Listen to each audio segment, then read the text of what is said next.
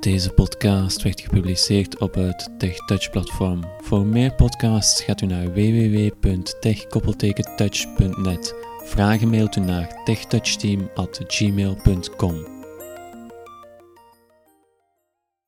Welkom, beste luisteraar, bij deze derde podcast in de reeks rond de werking van Mac OS X. Ik heb als testtoestel een MacBook Air. Dat heb je in de voorbije twee podcasts kunnen beluisteren. Vandaag gaan we een eerste podcast maken over hoe je de voiceover op een toestel in- en uitschakelt.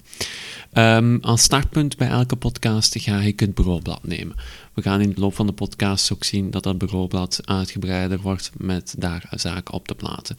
Om naar het bureaublad te gaan, druk je de voice-over toetsen, dus uh, Command Option Shift D. Dat gaan we even doen. Bureaublad. Zo, dan staan we op het bureaublad.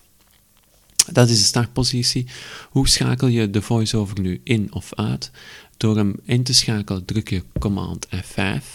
Dus de command is de knop direct links van de menubalk, van de spatiebalk. En F5 is bovenaan uh, de F5-toets. Ik ga het eventjes de voice-over uitschakelen. Voice-over uit. Dus staat hij uit. En dan druk ik command F5. Net hetzelfde commando. Voice-over aan Finder, bureaublad, bureaublad. Zo. Dan sta ik terug op de Finder. En dan is de voice-over terug ingeschakeld.